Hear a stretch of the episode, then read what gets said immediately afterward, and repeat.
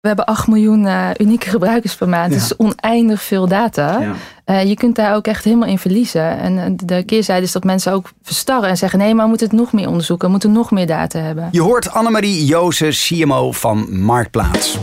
Dit is CMO Talk, de maandelijkse podcastserie met de meest interessante CMO's. Geleid door Klaas Wijma.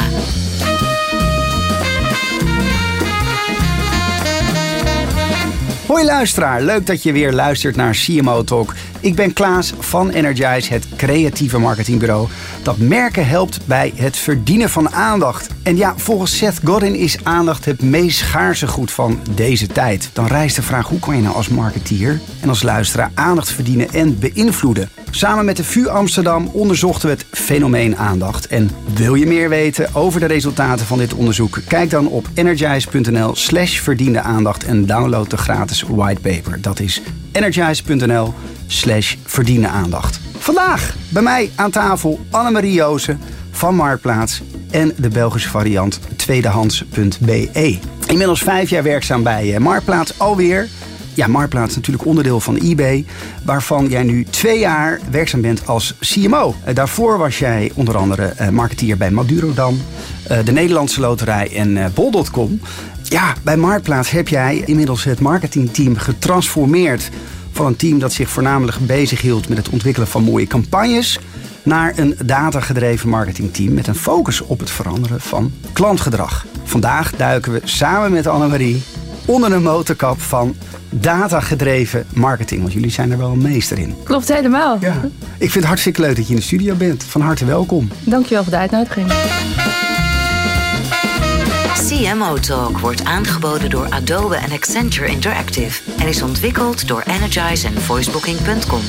We gaan beginnen over uh, data in de praktijk. Maar ja, toch even één vraag die ik al heel lang wil stellen aan Marktplaats. En misschien ook wel meerdere luisteraars. Want als ik kijk naar jullie logo. Jullie houden al uh, sinds 99 vast aan de Terra-kleur.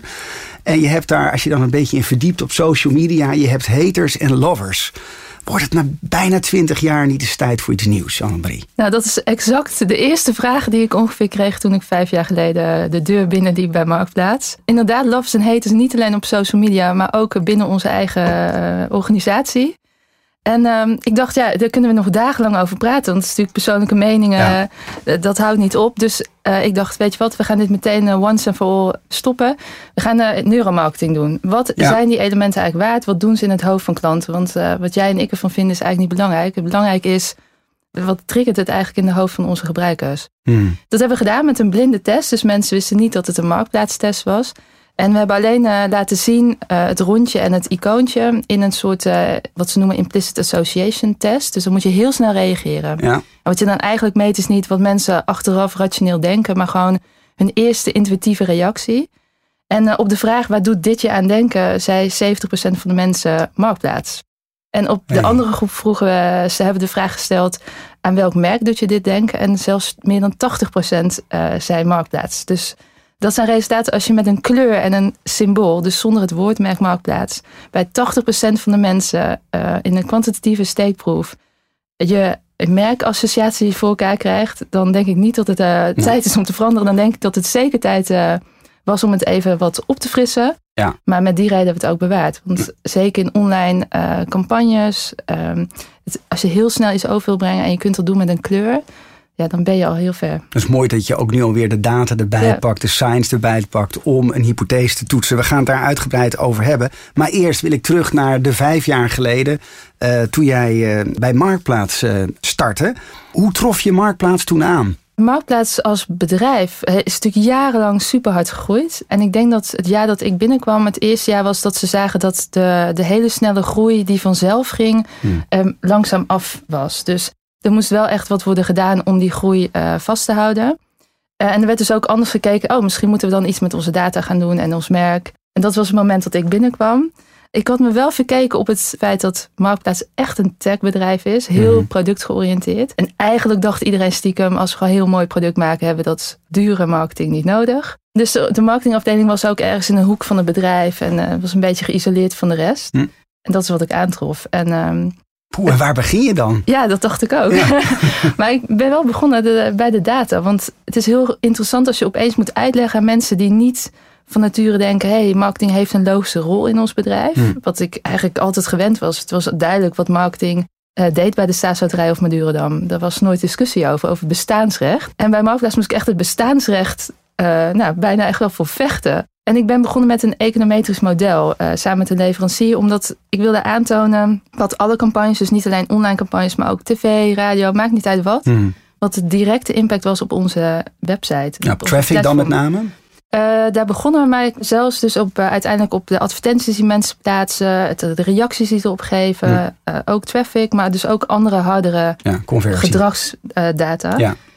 En daarmee kon ik aantonen, dus in plaats van discussies die ik had, ik vergeet nooit mijn discussie met de, de directeur van het automotive team. En die zei, maar al onze concurrenten zitten op tv, wij moeten ook op tv. En Ja. dan kon ik echt zeggen, nou ja, maar als- wat is je doelstelling? Mhm. Als je doelstelling is meer advertenties plaatsen, dan moet je op radio. Kijk, want dit komt uit het model, dit is bewijs daarvoor. Ja. Eh, je krijgt twee keer zoveel advertenties als je radio inzet dan op tv. Je kon het heel mooi onderbouwen met gewoon feitelijke data. Ja, en dat is het eerste jaar het enige wat ik heb gedaan. Dus Ja. zorgen dat ik kon onderbouwen wat eigenlijk de bijdrage was van marketing op de organisatie. Wat was het resultaat? Ging het licht aan bij mensen van hey, dit is the way to go?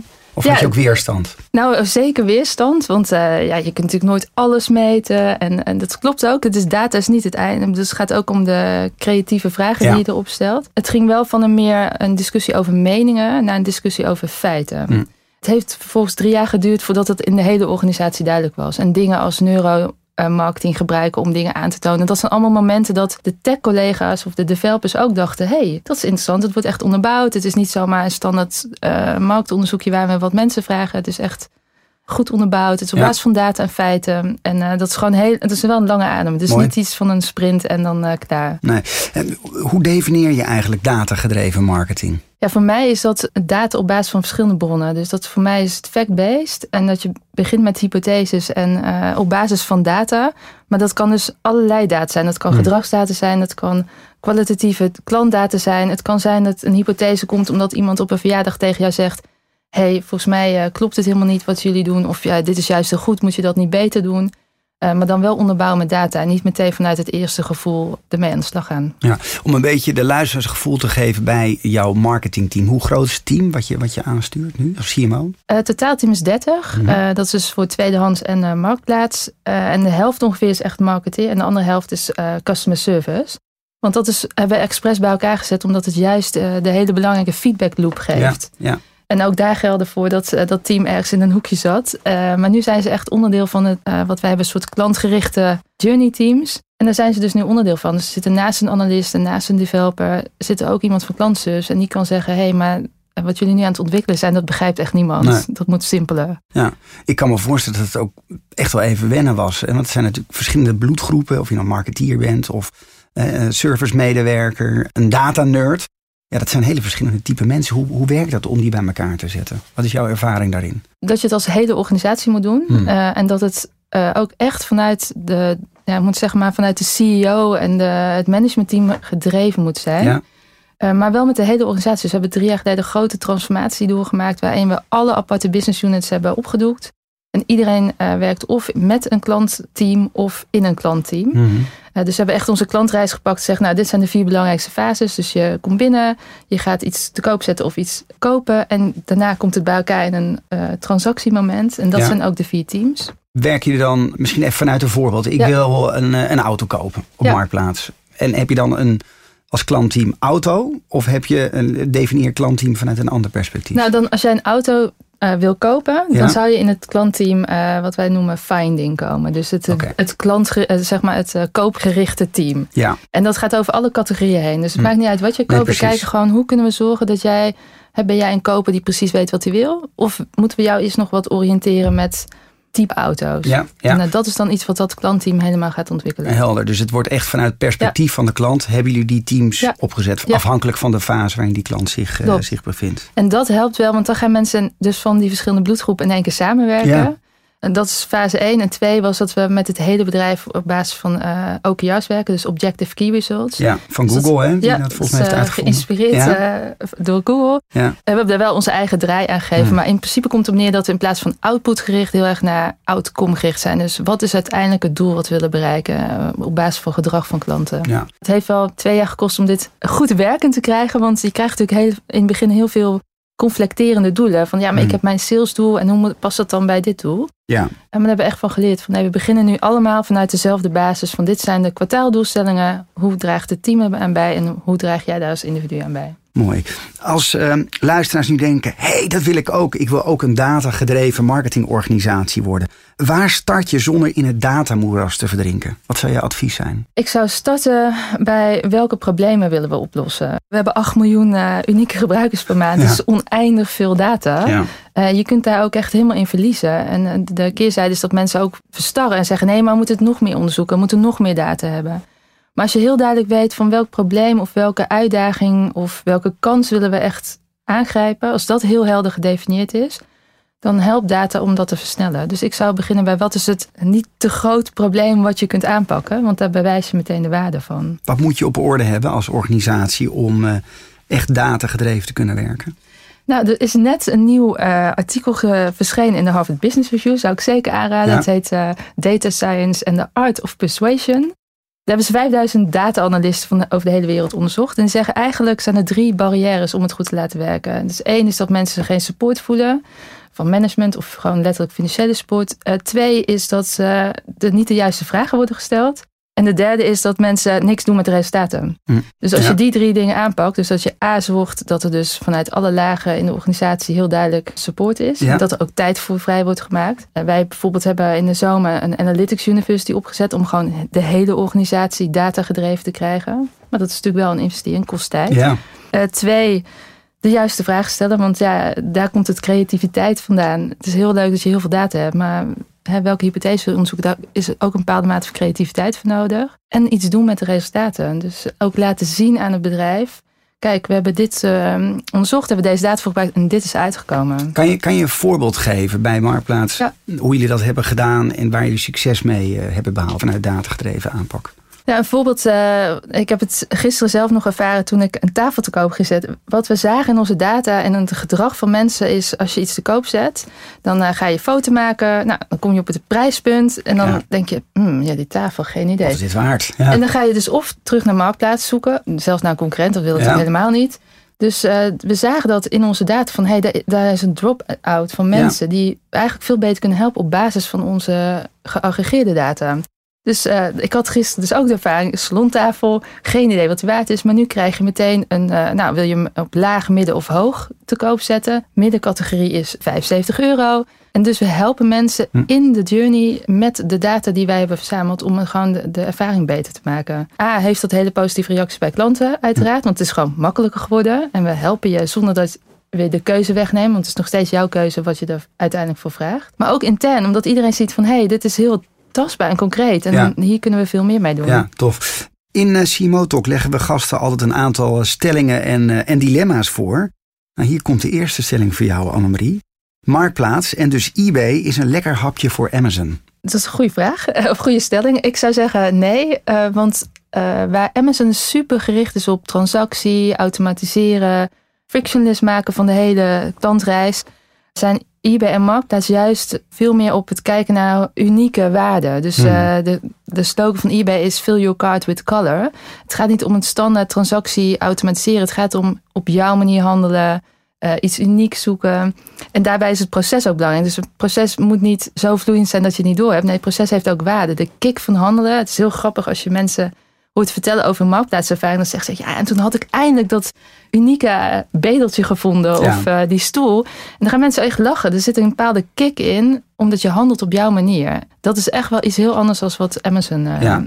probeert. Ik wil een bruggetje maken naar proposities. Want ja, met, met al die data die jullie hebben, die datapool kan je natuurlijk mooie dingen uh, maken en bedenken. Je noemde net al het, het adviseren van prijzen. Hoe maak je de juiste keuzes en hou je de juiste parels uit de data? Hoe, hoe doe je dat? Dat is echt een mix van uh, dus gewoon keiharde data-analyse met klanten praten. Mm.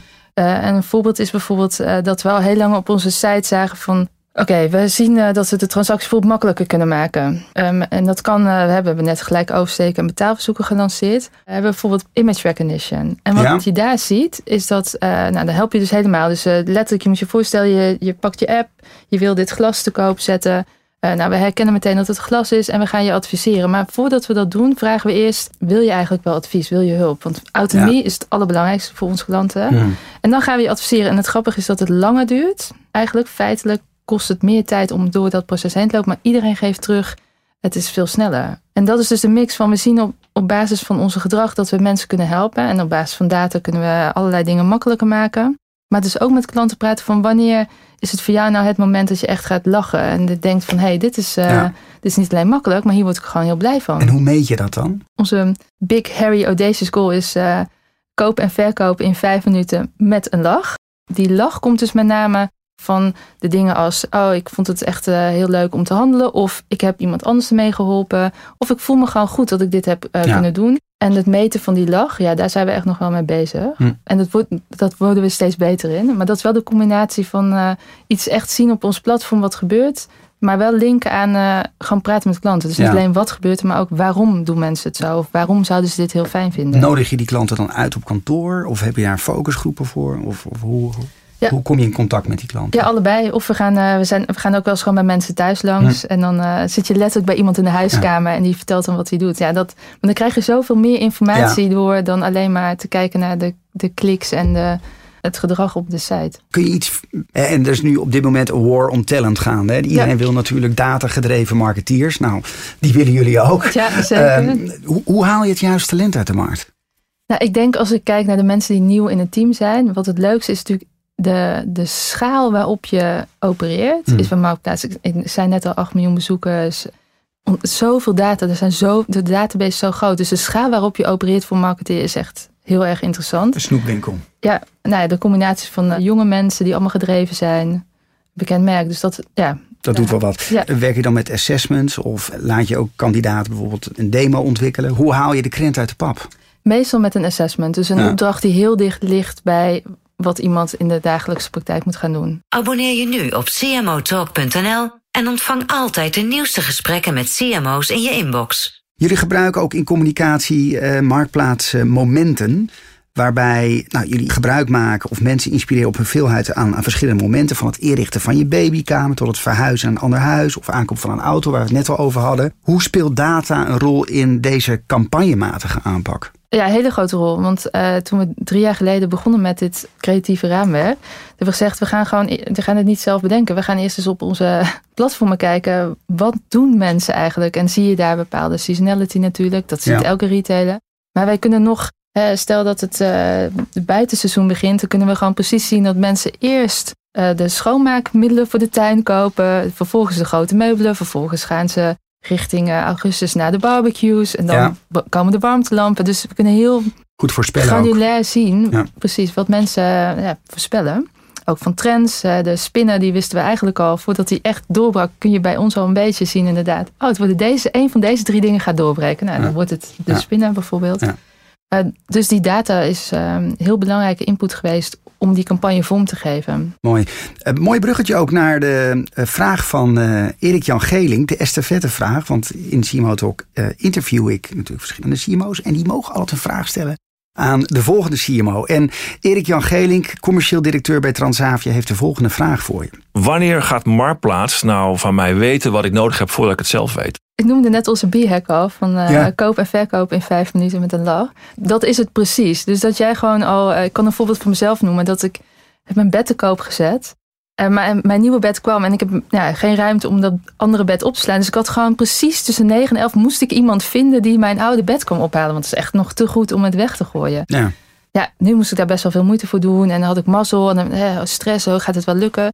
Maar in de toekomst willen we natuurlijk gewoon dat Marktplaats precies kan zien uh, in mijn buurt van hé, hey, daar heeft iemand aangegeven dat hij daarna op zoek is. Die heeft ook een bij spreken ophaaloptie. Ja. En uh, oh, hier is iemand nu die het te koop zet. En dat die automatische linken meteen is. Ja. Zonder dat ik allerlei reacties moet afhandelen. Dus dat, uh, en met image recognition waar we mee bezig zijn, hmm. samen met eBay. Dat zijn allemaal stappen om het ja, nog sneller te kunnen identificeren. hey, wat zoek je en waar kunnen we jou blij mee maken? Maar dan rijst wel meteen de vraag van privacy. Van in hoeverre, poeh, jullie weten eigenlijk alles. Jullie kunnen gedrag ook goed voorspellen. Maar poeh, best wel intrusive, indringend. Hè, als Marktplaats mij gaat zeggen, hey, iemand in de buurt, wel wel heel fijn hoor, maar ik kan me wel voorstellen, die komt wel binnen bij mensen dan. Nou, en daarom zei ik ook, je moet het zelf aangeven. Hmm. Dus het is wel, autonomie staat echt, bij alles wat we onderzoeken komt altijd terug. wil je hulp? Nee, liever wil ik het zelf doen. Ja, En uiteindelijk willen mensen wel hulp, maar niet, eh, ze willen wel het idee hebben dat, ze, eh, dat wij ze helpen om, zodat zij Ja. het zelf beter kunnen doen. ja, de klant moet onder controle. Precies, dus jij moet aangeven, Ja, hey, ik ben daar wel open voor om nu eh, zo'n connectie te krijgen zonder heel veel verzoeken af te handelen. Hmm. Want we weten zeker nog niet alles. Maar we houden ook altijd rekening met, ja, hoe werkt het het beste voor onze klant? En de marktplaatsmanier is echt wel jouw manier. Ja. Dus dat is niet wat Marktplaats denkt Nee. dat goed is. En denkt eBay daar ook zo over? Eh, in principe wel, maar dat is het fijne van eBay. Dat eh, zij ons, eh, hè, omdat het, ze zien wat voor sterk merk we zijn en welke organisatie en welke lokale verschillen er zijn, dat we daar best wel zelfstandig in opereren. Ja. Het is niet zo dat er binnen een paar jaar eBay op de Nee, gevel dat gaat zou staan. echt, als je het Ja. hebt over data, zou dat een zeer slecht onderbouwd besluit zijn, denk ik. ja, ja. Ik stel die vraag ook een beetje in de context dat vorige week werd namelijk aangetoond dat KPN met eh, Access for All en Telfort gaat stoppen. Dus natuurlijk ook internationaal een steeds grotere Ja. trend om alles maar, hè, kijk naar Amazon, kijk naar Google, om alles maar onder één eh, ja, brandname te stoppen vanwege efficiëntie, Ja. vanwege schaalvoordelen, et cetera. Ik kan me ook zo voorstellen dat eBay denkt van, hé, hey, pff, dat marktplaats daar in Nederland. Nou, ik denk dat zij nog steeds heel erg eh, achter hun eh, strategie staan waar ze juist lokale merken in stand houden. Hm. Want als je ziet, en dat geldt niet alleen voor Marktplaats, maar ook voor tweedehands, en zo hebben we wereldwijd nog meer dit soort merken. Eh, die zijn zo sterk. Dat zijn echt merken die zijn ook van, eh, als je het vraagt aan Nederlands, Marktplaats is gewoon van en door Nederlanders. Ja. Dat, is, dat is niet van eBay, dat is van ons. Ja. Eh, en zo denken ze in Canada hetzelfde over. Daar is Kijiji is van en door de Canadezen. Dus dat zit zo sterk verweven in de Nederlandse cultuur. Dus het zou echt zonde zijn Ja. om dat te doen. Ja. Mag ik jou een persoonlijke vraag stellen? Zeker. Even terug naar, naar KPN hoor, dat triggert toch iets bij mij. Wat vind je daar als marketeer van? Dat KPN besluit om, om die merken te killen. Ja, ik zou meteen willen weten wat, ik, wat de feiten erachter zijn. Ja. Dus eh, als het echt alleen maar om efficiëntie is. Maar eh, hè, ik kan me voorstellen dat de sterkte en de merkkracht van die merken ook verschilt. Eh, maar ik zou, ja, dus wat vind ik van? Ik zou eerst de feiten willen weten. Ja. Van, eh, op basis van welke feiten? Ja. Verstandig. Ja. ik wil je graag een aantal dilemma's eh, voorleggen. Je mag er namelijk steeds eh, één kiezen. En na afloop mag je er één uitpikken waarvan je, waar je een toelichting op kan geven. Komt-ie. Lokaal of global merk? Ja, lokaal. Data gedreven of intuïtief? Begin met data gedreven. B2B of B2C? B2C. Meer verkopen of consuminderen? Ik zou zeggen meer verkopen, want dat kan leiden tot consuminderen. Klant of medewerkerstevredenheid? Klant. Absoluut klant. Ja. Welke wil je toelichten? Nou, ik denk wel de verkopen. Want eh, als je natuurlijk het verkopen op marktplaats betekent gewoon, en dat zien we, we hebben daar heel weinig mee gedaan in het, in het verleden. Want we gingen juist om dat functionele, hè, dat kopen en verkopen, dat zo snel mogelijk en zo eh frictionless eh, journey. Maar uiteindelijk zien we dat in elk onderzoek, en dat, is, dat geldt voor eh, België en voor Nederland. Mensen zeggen, ja, ik vond het heel fijn om een goede deal te halen. Daar komen mensen hè, voor die, eh, dat functionele eh, deel. Dus echt om een goede deal te sluiten. Maar er komt altijd een maar. Maar ik vond het zo fijn, want ik heb gerecycled. Ik Hmm. heb iemand anders er in mijn buurt meegeholpen. Ehm, ik ben er zelf, eh, kan ik meedoen eh, met de maatschappij bij spreken. Want ik kan nu eindelijk die schoenen kopen die ik anders niet kan kopen. En dus, maar die hebben we eigenlijk heel lang nooit, eh, daar hebben we nooit aandacht voor gehad. Maar dat is juist de waarde. Dus Ja. als je kijkt zeker naar de duurzaamheid en circulaire economie, dan speelt Marktplaats kan daar een hele grote rol in spelen. We hebben laatst, vorig jaar hebben we voor Kika iets gedaan. Want heel veel mensen zeggen, ja, ik wil niet de tijd nemen om iets te koop te zetten. Want Ja. Dat vind ik, eh, ja, ik, ik heb het geld niet nodig, het is en, ja. zoveel hassle. Ja, Maar voor Kika bijvoorbeeld, als goed doel doen ze het wel. Dus Ja. dan kun je zeggen, hey, misschien, je hoeft het geld niet, maar misschien wil je iemand anders mee helpen. Of een, eh, geld gaat direct naar het goede doel. ja, het handelingsperspectief is heel anders. Precies, en dan zie je dat mensen daar meteen eh, voor openstaan. Dat dat heel succesvol is. Dus daarom zou ik zeggen, het verkoop meer, want dan consumeer je. Mooi.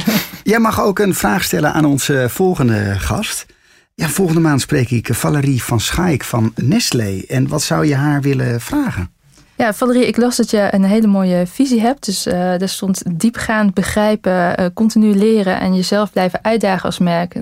Op die manier kun je maximaal bijdragen aan het eh, leven van mensen. En ik vroeg me af, hoe weet je of dit gelukt is? Hoe meet je succes? En hoe ga je om met de druk op de korte termijn resultaten? We horen het antwoord volgende maand. Dankjewel. We vliegen door de tijd, maar uh, ja, ik had je beloofd uh, om ook nog een aantal uh, ja, persoonlijke vragen over jouw carrièrepad te stellen. Ja, ik ben allereerst nog heel erg benieuwd. Nu vijf jaar Marktplaats. Twee jaar geleden de stap gemaakt naar CMO. Je was daarvoor Head of Marketing. Hoe ervaar je die stap? Ja, die stappen die ervaarde ik eigenlijk als heel makkelijk. Of ja, het zat gewoon in de lijn der verwachtingen. En je gaat ook steeds meer projecten oppakken. En mm. Ik vind uh, vernieuwing heel leuk, dus je gaat ook steeds grotere projecten doen. Dat was het de makkelijkste stap misschien wel binnen Marktplaats. Ja? Oké. Maar is het heel anders als CMO? Wat zijn de grote verschillen die je ervaart met, uh, met voorheen? Nou, ik denk als je uh, mijn head of marketing vraagt, dat, dat in het begin het, het loslaten natuurlijk. Ja. tenminste, natuurlijk, dat vond ik het lastige. Dus als je er zo middenin zit, ja, je, moet, je hebt toch een andere rol en je staat er iets verder vanaf. Ja. Je, houdt je met iets andere dingen bezig. Maar dat loslaten en iemand anders de ruimte geven om het op zijn manier te doen. Ja. Ik zie je nou een beetje op de stoel ongemakkelijk heen is dat ook iets wat jou, ja, wat Annemarie, wat Annemarie is? Wat, wat ongeduldig en, en ja, ook wel die nieuwsgierigheid om ja, eh, ook daar zelf in te duiken? Ja, absoluut. Eh, ongeduldig en heel nieuwsgierig. En ik kreeg uh, een paar jaar geleden nog de feedback... ja, dat je elke keer een boek leest met iets nieuws komt. Misschien moet je dat niet elke keer met je team delen. Daar word je een beetje onrustig van. Oké. En wat heb je gedaan om daar een beetje afstand van te nemen? Een uh, dag vrijgenomen en dan deel ik die kennis op een andere manier met mensen. Oké. En hoe doe je dat dan nu? Ja, dat kan in adviesfuncties zijn. dus of, of, sparren met mensen. Ik, doe, ik heb een aantal dingen voor cultuurmarketing gedaan om gewoon in die groep wat kennis te delen uit eh, de wereld waar ik vandaan kom. Dus ik deel het nog steeds, maar dus niet alleen maar binnen mijn team. Je noemde net al boeken. Welk businessboek ligt op dit moment op jouw nachtkastje? Uh, op dit moment is dat Aandacht is het nieuwe goud van uh, Tim Wu. Kijk, aandacht, daar hou ik wel van. Die ga ik zeker lezen gezien onze introductie. Hey, um, wanneer in je carrière ben je het hardst gevallen en hoe ben je weer opgestaan? Ja, ik denk dat dat uh, is Londen. Nadat ik de vuur had afgerond, uh, zei ik tegen mijn man: Kom, we gaan gewoon naar het buitenland op de Bonnefoy. Dat werd Londen. Je moet je voorstellen, het is geen expert. Dus het was gewoon een heel klein kamertje. Er stond één bed, een heel klein tafeltje en een stoel. Uh, maar wel midden in het centrum van Londen. we vonden daar allebei een baan. maar in die baan werd ik na een jaar redundant gemaakt. Nou, oh. wist ik niet precies wat dat betekent. Dus ja. ik heb natuurlijk eerst gegoogeld. Ja. Oh, mijn, mijn, je bent eh, ontslagen. Mijn, mijn, arbeidsplaats wordt opgeheven. Wat er feitelijk op neerkomt dat je dus ontslagen wordt. En uh, ja, daar stond ik in Londen, had net mijn hele huisraad oh. over. Uh, en mijn eerste reactie was, oké, dan moet ik dus nu naar de IKEA voor een bureau en een stoel. Want in mijn modus is meteen actie. Ik moet dus nu heel hard gaan solliciteren, want ik wil hier gewoon blijven, ga nog niet weg. en ik ben dus letterlijk met de metro naar de IKEA gegaan en heb daar een bureau en een stoel gekocht. En dat typeert mij denk ik ook. Dus ik ben heel hard gevallen, maar ik, uh, ik hou vol, maar ook wel meteen oké de oplossing en meteen in de actie en dan gaan. En uiteindelijk hebben we daar drie jaar gezeten. Dus. Tof zeg. Wie of wat is jouw grootste inspiratiebron? Ik denk, uh, en dat zou ook meteen mijn tip zijn, hou gewoon uh, vooral alles open. Hmm. Dus uh, die nieuwsgierigheid is ook gewoon, ik lees alles wat los en vast zit of, uh, of TED Talks, maakt niet uit wie het zegt. Maar het is juist de combinatie van verschillende mensen. Ik kan me voorstellen met al die data en al die, al die kennis die je verzamelt, hoe, hoe houd je dat bij voor jezelf? Hoe trek je er zelf de, de juiste inzichten uit? Ja, ik Gebruik je daar tools voor? Of? Nou, Evernote kan ik zeker aanraden. Ja, ja. dat is wel grappig, want ik heb heel lang uh, gedacht... wat irritant dat ik de, al die dingen steeds verzamel. En het is allemaal stapeltjes overal. Totdat ik zo'n talententest van de Gallup uh, organisatie deed. En dat uh, mijn nummer één talent is input. Wat betekent dat je dit soort dingen doet? Nou, misschien moet ik dan gewoon vormgeven en ook het beste van maken. Ja. Um, dus toen ben ik dingen als Evernote gaan gebruiken. En gewoon het associëren. Zorgen dat ik ook af en toe tijd heb om over na te denken. En niet alleen maar uh, in meetings zit. Ja. Dat helpt.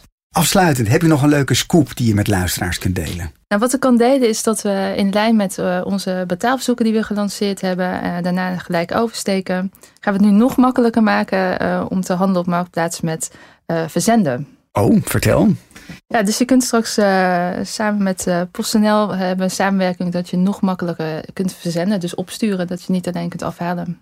Annemarie, ik wil je hartelijk danken voor je bijdrage. En luisteraars, dank weer voor het luisteren naar CMO Talk. En vind je deze podcast leuk, dan zou je ons enorm kunnen helpen om een korte review achter te laten.